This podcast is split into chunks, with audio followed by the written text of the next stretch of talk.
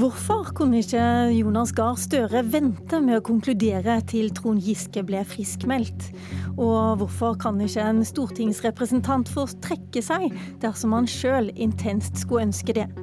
Dette er de viktigste spørsmålene i Politisk kvarter i dag. I går konkluderte Arbeiderpartiet i varslersakene mot tidligere nestleder Trond Giske. Han har brutt partiets retningslinjer mot seksuell trakassering, var konklusjonen. Men han får ingen flere reaksjoner. Han har jo allerede trukket seg som nestleder og som finanspolitisk talsmann. Varslerne har vi hørt i Dagsnytt. De er glad for at strek nå er satt, men i partiet er det langt fra ro. Svært kritikkverdig, sier Giskes advokater. Rystende, sier fylkesordfører Tore O. Sandvik i Trøndelag. Han burde få gitt et fullstendig tilsvar, mener to sentralstyremedlemmer. Og Jonas Gahr Støre, leder i Arbeiderpartiet, hvorfor kunne du ikke vente med konklusjonen til Trond Giske var friskmeldt, og kunne gitt deg sine skriftlige svar? Jeg vil si vi er på overtid i å sette et punktum i organisasjonen for dette. Og La meg minne om forhistorien. Når vi har fått varsler mot Trond Giske, så har han fått dem forelagt umiddelbart og uttalt seg om dem. Jeg har sittet i ni timer med han og lyttet til hans versjoner i to forskjellige møter 21.12. og 1.1. Da var sakene godt opplyst. Så har vi tatt den informasjonen han har kommet med, gitt dem tilbake til varslerne så de kunne kommentere det. Og så har vi sagt til Giske at hvis han ønsket å gi ytterligere skriftligere kommentarer, så kunne han få gjøre det. Den har tre uker på å gjøre. Og han har hatt advokater til hjelp. Han har valgt å ikke gjøre det. Det respekterer jeg. Men for vår del, som organisasjon, så har vi hatt nok kunnskap til å sette en punktum for disse varslersakene, gi en tilbakemelding og konkludere med at det har vært tilfeller hvor vårt regelverk mot seksuell trakassering er brutt. Det var nødvendig å sette punktum av hensyn til varslerne, og jeg vil si også av hensyn til Trond Giske og av hensyn til partiet. Dette kan vi ikke dra ut noe lenger i tid. Du høres nesten provosert ut. Nei, jeg er bare veldig tydelig på hva som har vært fremgangen her. Og jeg reagerer litt på dette bildet om at han ikke har fått gitt sin versjon. Jeg har brukt altså langt mer tid på å lytte på hans versjoner enn jeg har gjort på de enkelte varslerne. Bare for å si det. De har jo eh, sendt inn sine varsler muntlig eller en, en, en skri, side skriftlig. Eh, så jeg opplever at saken er godt belyst. Og så opplever jeg at advokatene resonnerer som om vi er en domstol. Vi er ikke det. Vi er en organisasjon med et regelverk. Og det er det ledelsens ansvar å sørge for å bli respektert. Og hvis det brytes, så må vi reagere i forhold til det. De opererer som vi var her innenfor et rettssystem. Og hvis vi skulle følge deres resonnement, som skulle si at ikke vi kan konkludere i slike saker, vel da henviser vi varslerne til politianmeldelse og domstol. Det vil heve terskelen, og det mener jeg er feil. Vi skal kunne ta imot varsler vurdere dem, la den det varsles mot uttale seg, og så konkludere. Men er det aktuelt å ta dette inn eh, for en domstol? Ja, Det er jo opp til eh, varsleren, selvfølgelig, eh, å kunne gjøre det. Men er det ikke interessant også for Arbeiderpartiet å få vite om en stortingsrepresentant, for det er han i hvert fall fortsatt, har brutt med loven om seksuell trakassering? Vel, altså Vi er en organisasjon med et regelverk som sier nei til seksuell trakassering. Og vi vurderer da dette opp mot Vi lytter til hva som er lovens definisjon av seksuell trakassering. Vi lytter til det, de varslene vi har fått. Men jeg tror hvis vi, hvis vi, kommer dit at en stor organisasjon som Arbeiderpartiet med ressurser sier at vi kan ikke behandle en sånn bekymringsmelding, eh, så det må du politianmelde. Da sier vi til en ung kvinne at du må gå til politiet og inn i rettssystemet. Det hever terskelen. Og hvis det er et før og etter metoo, så skal det være at den terskelen skal være lav. Og vi har jo i noen av disse tilfellene konkludert med at det ikke har vært brudd på vårt regelverk. Eh, og i noen har vi gjort at det har vært brudd. Eh, og da mener jeg det er et... Eh, Betyr det at du har hørt på Trond Giske? At, Nei, vi, har, vi, har, vurdert at sakene. At du ikke har trodd på alle varslene? Nei, men det står jo ikke nødvendigvis i varselet at her har det foregått en seksuell trakassering eller et brudd på et regelverk. Vi men jo... har noe av det han har tilført da i de ni timene med deg og etterpå, ja, lytt... eh, ført til at du kanskje har endra litt oppfatning? Pluss at sakens karakter kan ha vært slik at det kan ha vært det vi kaller upassende oppførsel, eller, eller, eller på en annen vis, men ikke grunnlag til å si at det her har vært Eh, over streken for det som er eh, seksuell trakassering. Men det er også tilfeller av det. Og da er det nødvendig å si fra om det. Og så kan jeg bare si at Den pressemeldingen vi sendte ut i går, sier jo som du sa innledningsvis, at det kommer ikke ytterligere reaksjoner som følge av det. De er trukket. Han har trukket seg. Men jeg sa, når jeg sa det, så kom jeg plutselig på at eh, det er vel ikke helt avklart om han skal sitte i sentralstyret? Det skal vi diskutere på mandag. Jeg mener det er rimelig avklart. fordi når du har trukket deg som nestleder, så er det jo den funksjonen du har sittet i sentralstyret. Men dette har jo ikke skjedd før hos oss at denne situasjonen oppstår.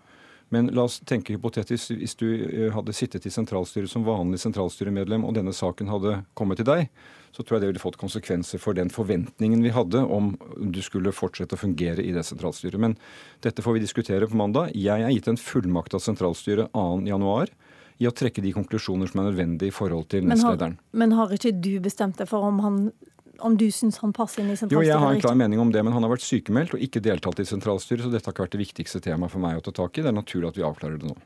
Når du snakker, så bruker du mye 'jeg' og 'min konklusjon'.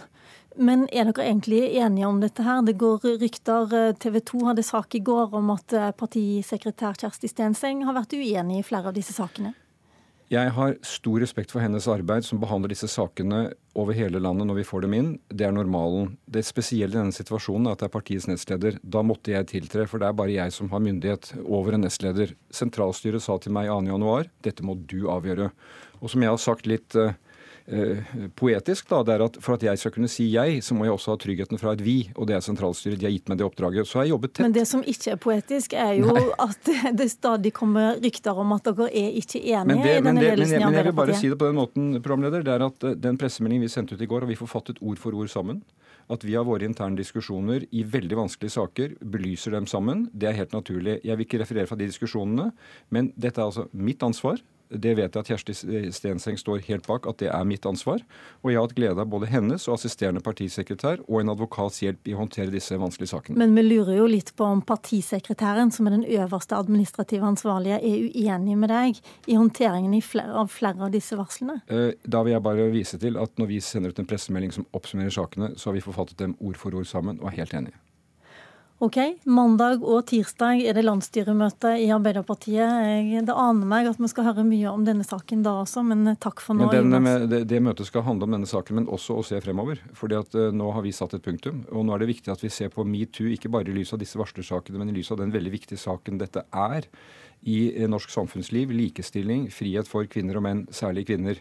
Så nå vil jeg ha fokus også over på det, og det politiske arbeidet Arbeiderpartiet skal gjøre på veldig mange andre områder også. Det er vel ikke bare opp til deg å få fokus på det? Det kan vel være at andre har litt å si om Giske-saken også? Ja, men jeg tror mitt ord også kommer til å veie ganske tungt i den diskusjonen. Okay. Vi får se. Hjertelig takk skal du ha uansett, Jonas Gahr Støre.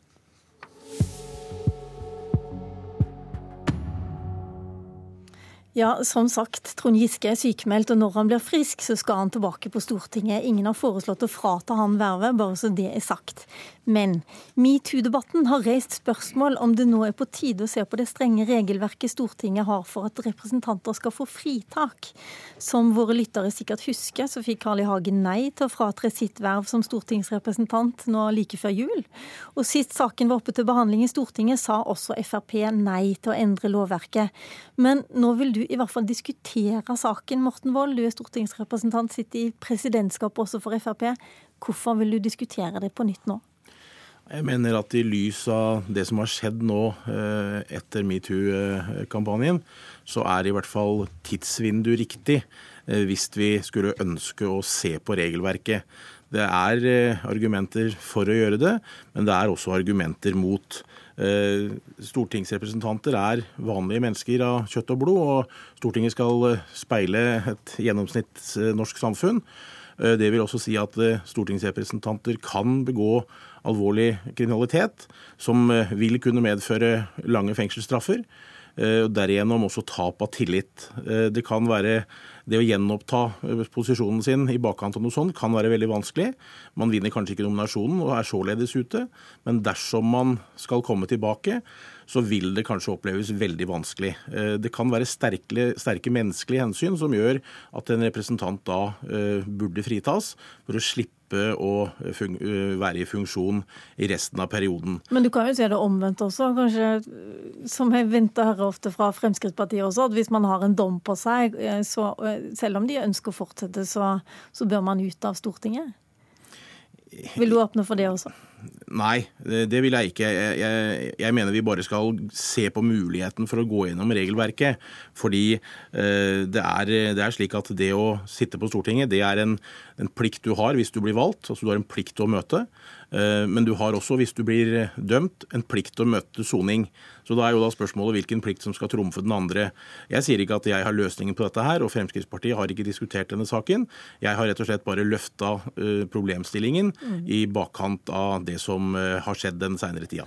I går så hørte vi også Høyres justispolitiske talsmann eh, Petter Frølich løfte egentlig akkurat samme problemstilling. Han sa at det, det kan være situasjoner der det er bortimot umenneskelig å forlange at representanter må fortsette med så mye press og oppmerksomhet om sin egen person. Men du Michael Tetzschner, også stortingsrepresentant for Høyre, du vil ikke ha noe av eh, den slags eh, endringer?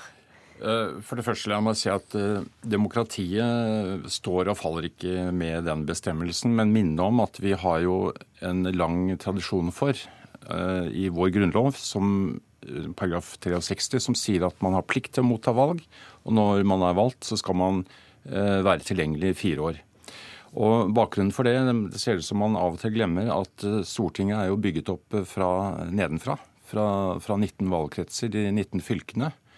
Og Det er to nåler for å komme inn på Stortinget. Det er at man overbeviser eh, de partiene som stiller liste at man bør være på listen. Og så er det velgerne som på valgdagen velger mellom personer og programmer når de står i valglokalet.